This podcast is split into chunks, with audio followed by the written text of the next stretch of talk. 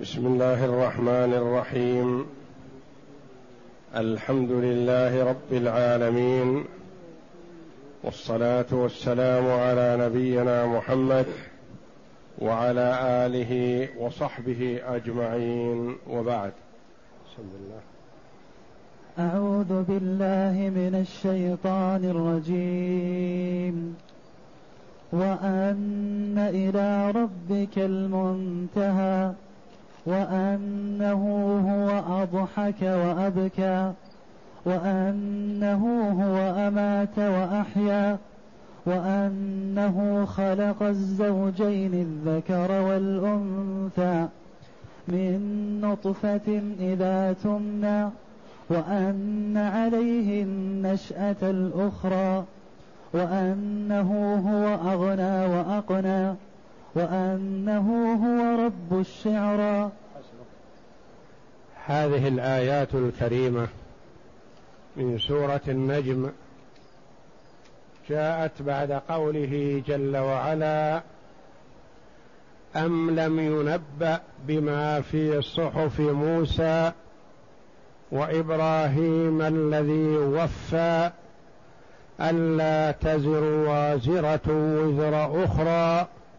وأن ليس للإنسان إلا ما سعى وأن سعيه سوف يرى ثم يجزاه الجزاء الأوفى.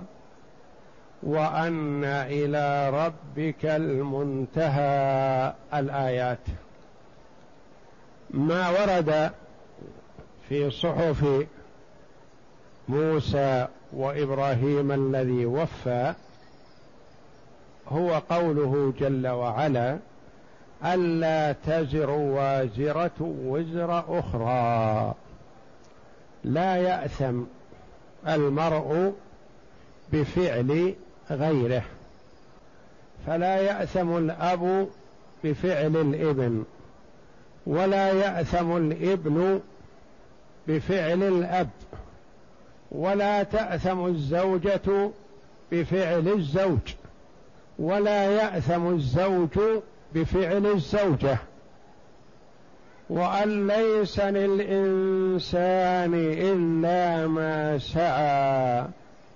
وتقدم الكلام على هذا هل هو هذا الذي في شريعة إبراهيم وموسى عليهم الصلاة والسلام وأن في شريعة محمد أن الإنسان ينتفع بفعل الغير أم أن المراد بالإنسان هنا الكافر وأنه لا ينتفع بفعل قريبه الصالح وإن الكافر يجازى بعمله الصالح في الدنيا ما يقدمه من عمل صالح ينتفع به الآخرون يجازى يثاب عليه في الدنيا ويقدم في الآخرة وليس له حسنة.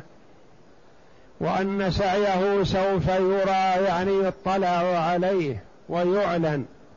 والصالح يأخذ كتابه باليمين ويبرزه للناس وينادى عليه هذه حسنات فلان.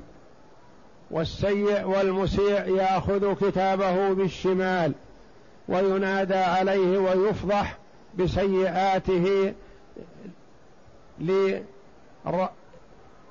من باب الخزي وإظهار الشماتة به والعياذ بالله. ثم يجزاه الجزاء الأوفى يعني يعطى ما يستحقه من جزاء لأن الله جل وعلا لا يظلم الناس شيئا. فالمؤمن يزاد في حسناته لأنه كرم من الله ولا ينقص من حسناته لأنه ظلم. والله جل وعلا منزه عن الظلم. والمؤمن يسامح ويعفى عنه عن سيئاته ولا يزاد في عقوبتها إن عوقب عليها. والفاجر والمنافق لا يعاقب بأكثر مما يستحق وأن إلى ربك المنتهى وأن إلى ربك المنتهى المرجع والمآل إلى الله جل وعلا. فهي بمثابة التأكيد والتعليل لما سبق. وأن ليس للإنسان إلا ما سعى وأن سعيه سوف يرى ثم يجزاه الجزاء الأوفى. قد يقول متى هذا؟ كيف يكون ذلك؟ قال الله جل وعلا وأن إلى ربك المنتهى. مرجع الخلائق كلهم إلى الله جل وعلا. فهو يثيب من يستحق الثواب ويعاقب من يستحق العقاب إن لم يعفو ويتجاوز عنه. وأن إلى ربك المنتهى.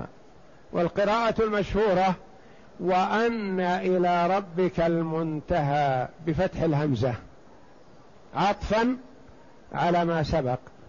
فيكون وأن إلى ربك المنتهى وما بعده مما ورد في صحف موسى وإبراهيم الذي وفى. فيها وأن إلى ربك المنتهى وأنه هو أضحك وأبكى الآيات. قراءة أخرى إلا أنها شاذة. وإن إلى ربك المنتهى بكسر الهمزة. وكسر الهمزة هنا يكون على الاستئناف. ومعنى الاستئناف يعني ابتداء كلام جديد. يعني أن قوله وإن إلى ربك المنتهى وما بعده ليس واردا في صحف موسى وإبراهيم الذي وفى. هذا في القرآن خاصة.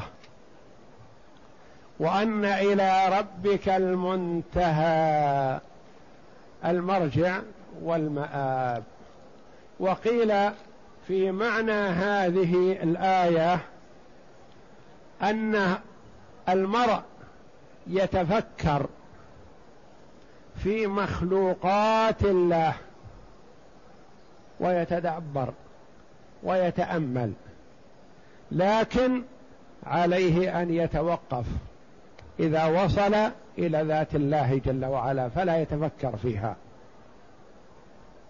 تفكروا في مخلوقات الله ولا تتفكروا في ذات الله.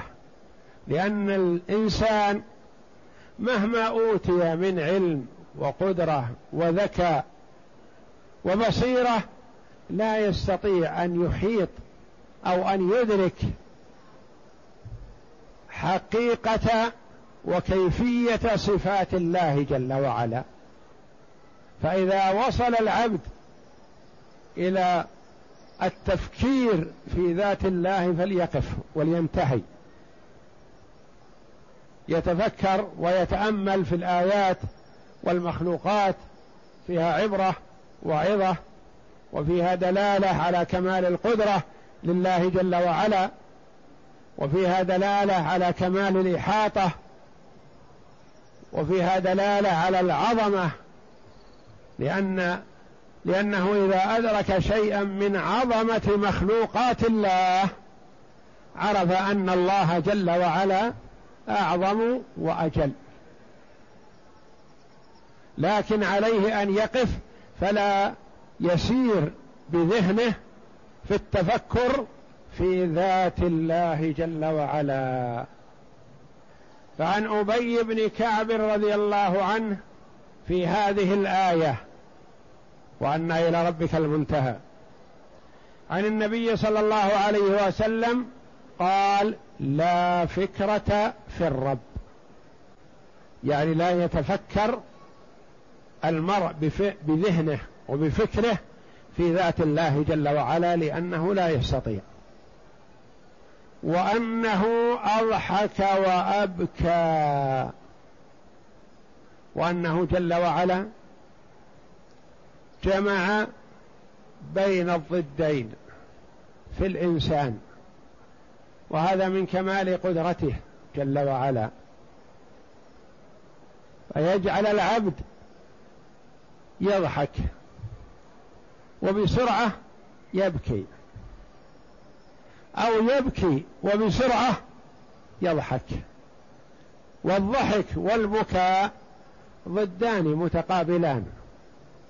الضحك علامة السرور والفرح والبكاء علامة الحزن والمصيبة. فالله جل وعلا بقدرته يجمعهما للعبد أحيانا في وقت قصير يتعاقبان. وهو الخالق جل وعلا لهذا. الخالق لضحك العبد والخالق لبكاء العبد. وأنه أضحك وأبكى وهذا من كمال قدرته جل وعلا. قال الحسن والكلب أضحك أهل الجنة في الجنة وأبكى أهل النار في النار. وقال الضحاك أضحك الأرض بالنبات وأبكى السماء بالمطر. وقيل أضحك من شاء في الدنيا بأن سره وأبكى من شاء بأن غمه. وقال سهل بن عبد الله أضحك المطيعين بالرحمة وأبكى العاصين بالسخط وقيل أضحك المؤمنين في العقبى بالمواهب يعني في الجنة بالمواهب الحسان وأبكاهم في الدنيا بالنوائب يبتليهم جل وعلا بالنوائب والمصائب فيبكون.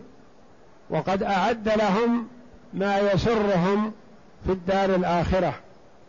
وقيل خلق الفرح والسرور جل وعلا. والحزن والكآبة. وأنه هو أمات وأحيا.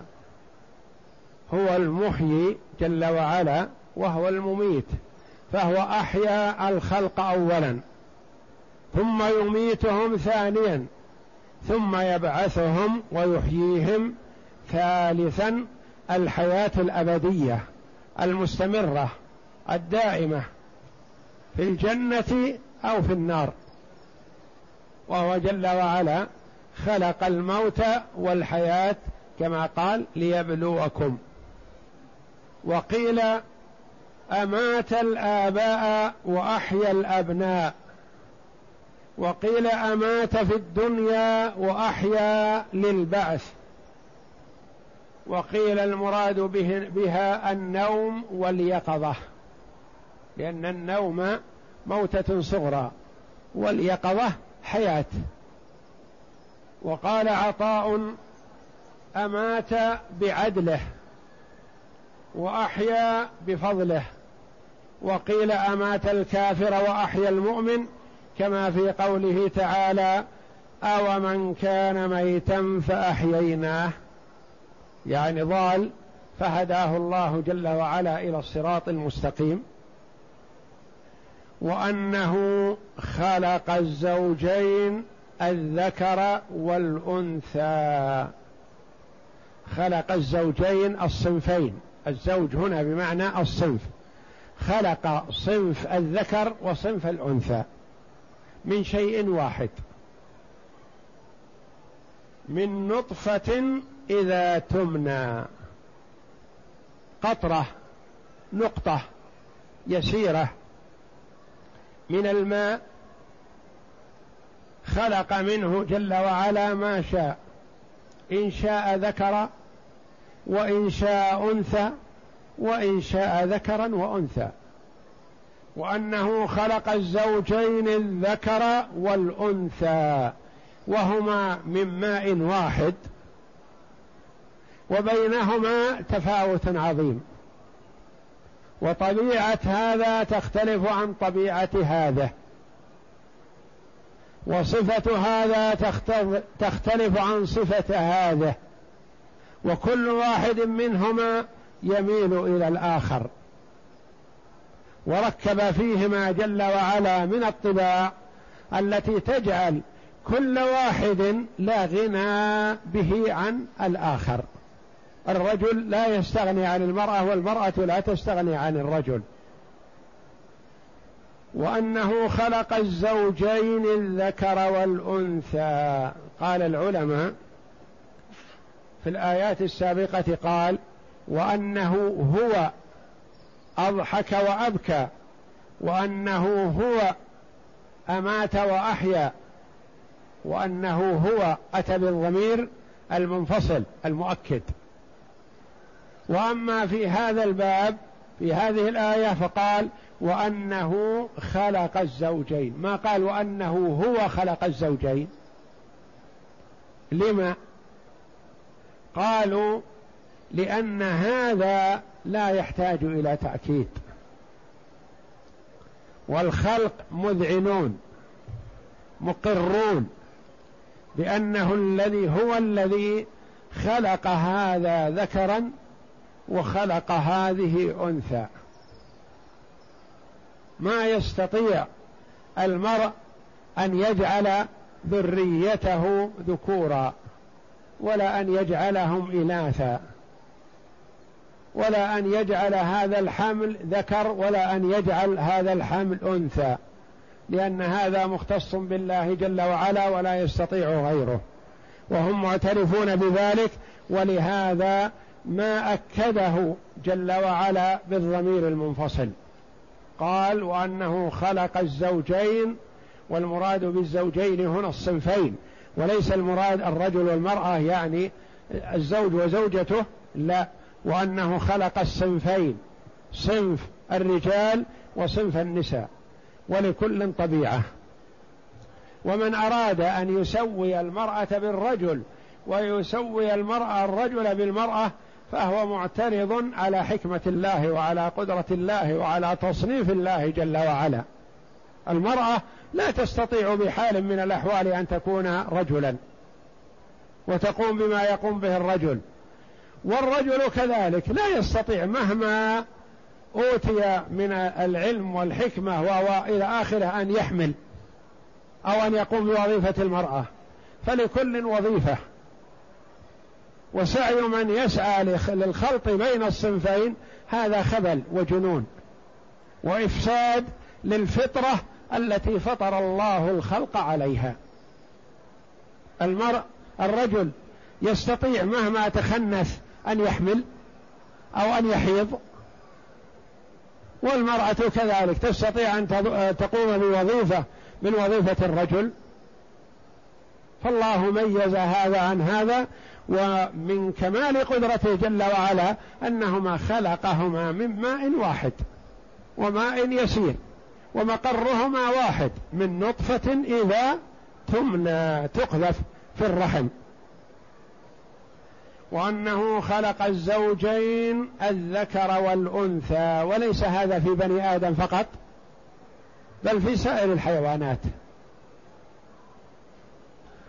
ولم يصل فهم العقلاء والأطباء إلى ما يميز أو يكون هذا ذكر ويكون هذه أنثى وإنما هذا بقدرة الله جل وعلا.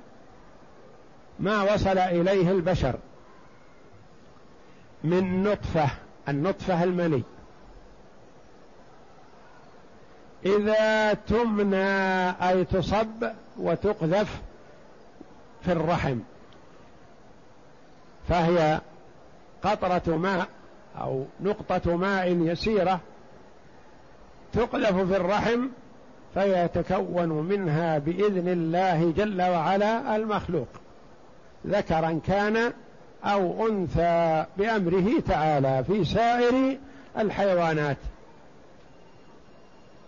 من نطفة إذا تمنى أي تصب في الرحم وتدفق فيه كذا قال الكلبي والضحاك وعطاء بن أبي رباح وغيرهم يقال منى الرجل يمني وأمنى أي صب المني وأن عليه النشأة الأخرى. اقرأ.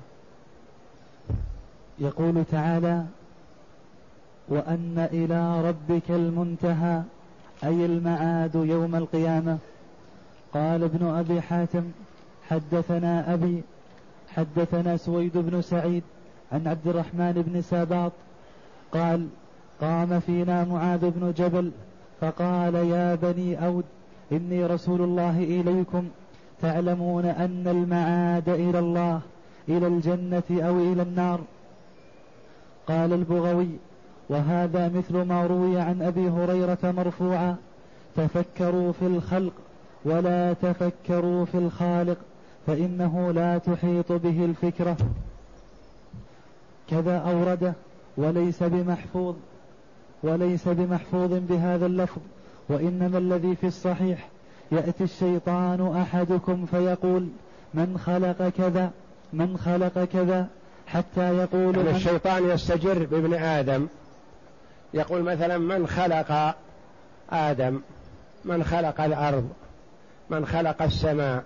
كذا كذا إلى آخره ثم يقول له في النهاية من خلق الله؟ تعالى الله. يقول الرسول فلينتهي. يذكر الله جل وعلا ويستغفره وليتوقف. ولا يتمادى به الشيطان. نعم.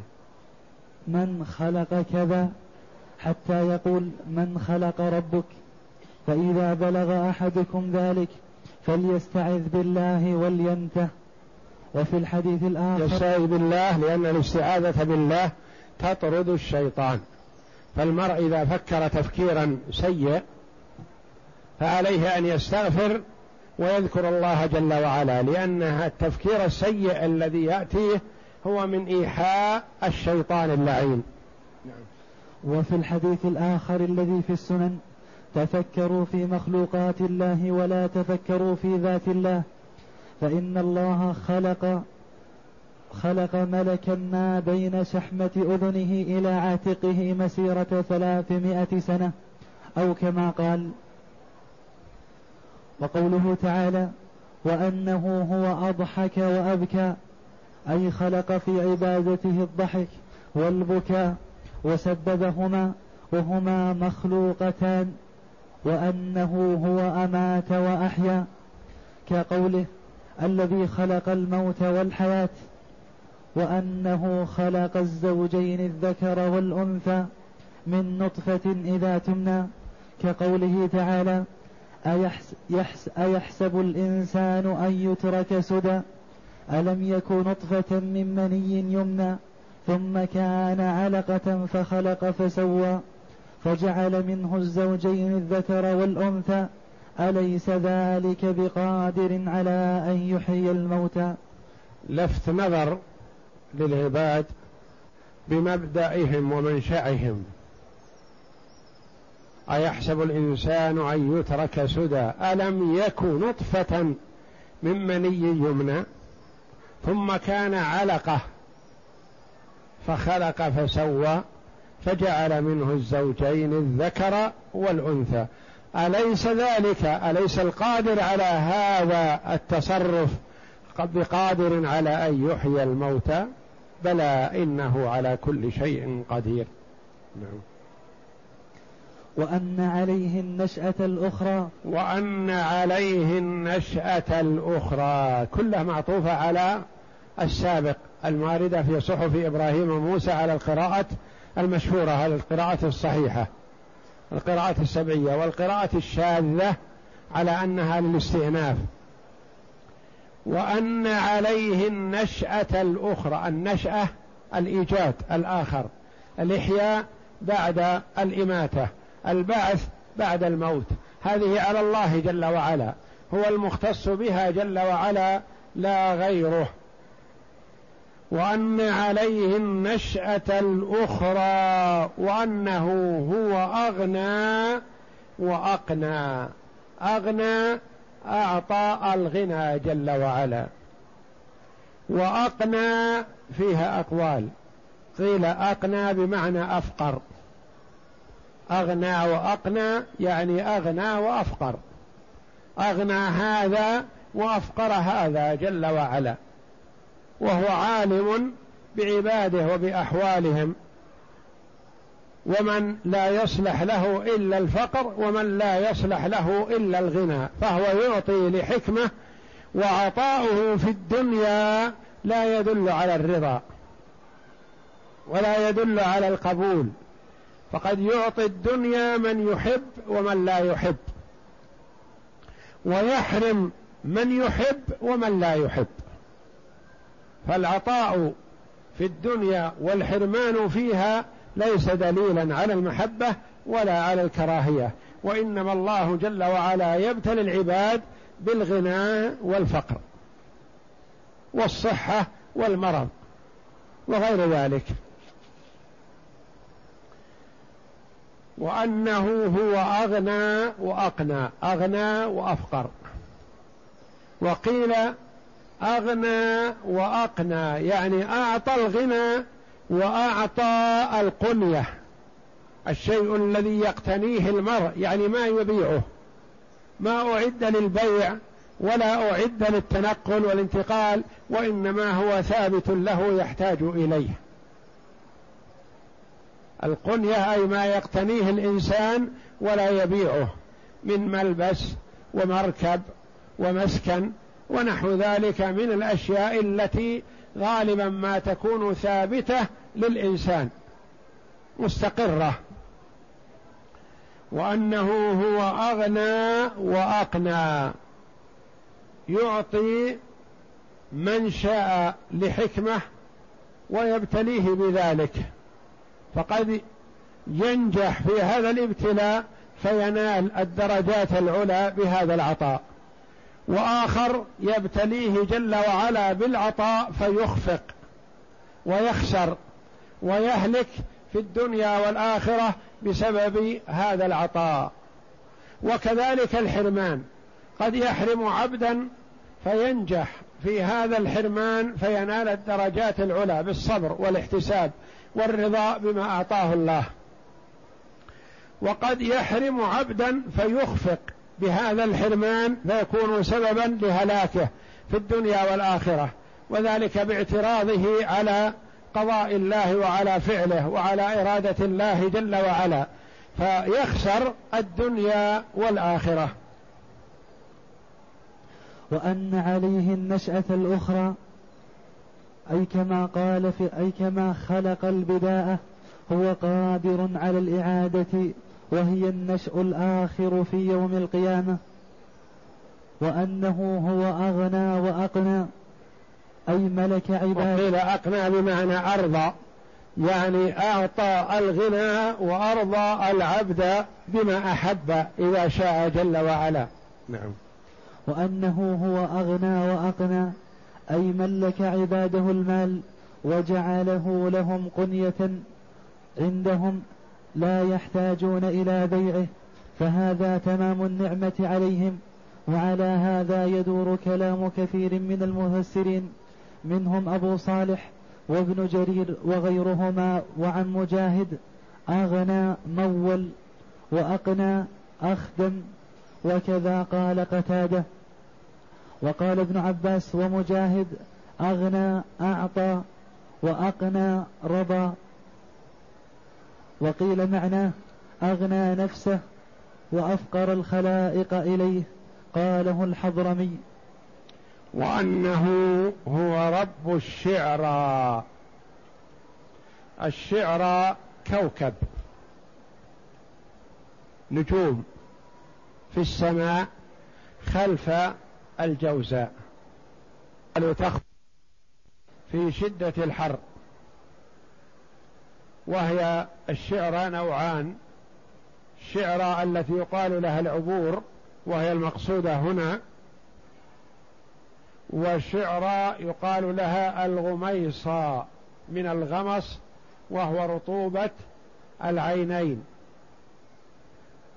وأنه هو رب الشعرى رب هذه الكوكب وهذا النجم أو النجوم. وأليس هو جل وعلا رب العالمين؟ لما خص جل وعلا الشعر بقوله وأنه هو رب الشعرى نعم لأن الشعرى هذه معبودة من دون الله. عبدها بعض المشركين. وأول من عبدها هو أبو كبشة. أبو كبشة وجيه من وجهاء العرب وهو من أجداد النبي صلى الله عليه وسلم من قبل أمه. فليس من أجداده من قبل أبيه وإنما من أجداده من قبل أمه. لأنه هو أول من دعا إلى عبادة الشعر عبد الشعر ودعا إلى عبادتها. لما خصها بالعبادة؟ قالوا لأن النجوم تسير في السماء عرضا وهذه الشعرى تسير في السماء طولا. ففكر في هذا وقال ما تميزت بهذا عن غيرها إلا أنها تستحق العبادة. فعبدها ودعا إلى عبادتها فأطاعه كثير من العرب وعبدوا معه هذا النجم الشعرى النبي صلى الله عليه وسلم لما دعا إلى عبادة الله وحده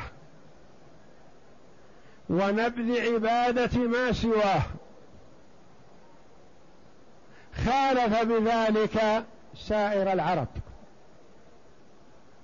فتذكروا قالوا هذا محمد ابن أبي كبشة. قالوا ليس هذا غريب عليه. له جد من قبله خرج على عبادة الأصنام ودعا إلى عبادة الشعرى فالجهال والمشركون نقبوا قالوا دعوة محمد هذه ليست بغريبة عليه له جد سابق دعا إلى عبادة الشعرى من هو جد هذا السابق؟ أبو كبشة. قالوا هذا محمد ابن أبي كبشة. هذه الكلمة ابن أبي كبشة قالها أبو سفيان. متى؟ لما دعا هرقل. من كان في الشام من أهل مكة. ليسألهم عن النبي صلى الله عليه وسلم. فاحضروا فصار يوجه الأسئلة لأبي سفيان وهو على الشرك في ذلك الوقت. وجعل قومه وراءه وقال إن كذب فكذبوه. يقول أبو سفيان إنه أحب أن يكذب في صفة محمد لأنه عدوه لكنه خشي أن يكذب من قومه. فصار هرقل يسأل أبا سفيان عن صفة النبي صلى الله عليه وسلم ومن معه وأحواله ويخبر أبو سفيان بالصدق. يقول ما استطعت أن أدخل إلا في كلمة واحدة. لما قال هل كان بينكم وبينه عهد؟ وهل يفي بالعهد؟ أو ينقض؟ يقول أبو سفيان فقلت بيننا وبينه عهد ولا ندري ما هو صانع فيه. يعني يحتمل إنه ينقض. وما استطاع أن يقول إنه نقض العهد لكن قال يحتمل. وما ندري ما هو صانع فيه. فقال هرقل إن كنت يا أبا سفيان صادق فيما قلت فسيملك موضع قدمي هاتين. سيظهره الله جل وعلا ويملك الشام وما وراءه. لأنه نبي ورسول من عند الله جل وعلا فسينصره الله. يعني أدرك هرقل ذلك.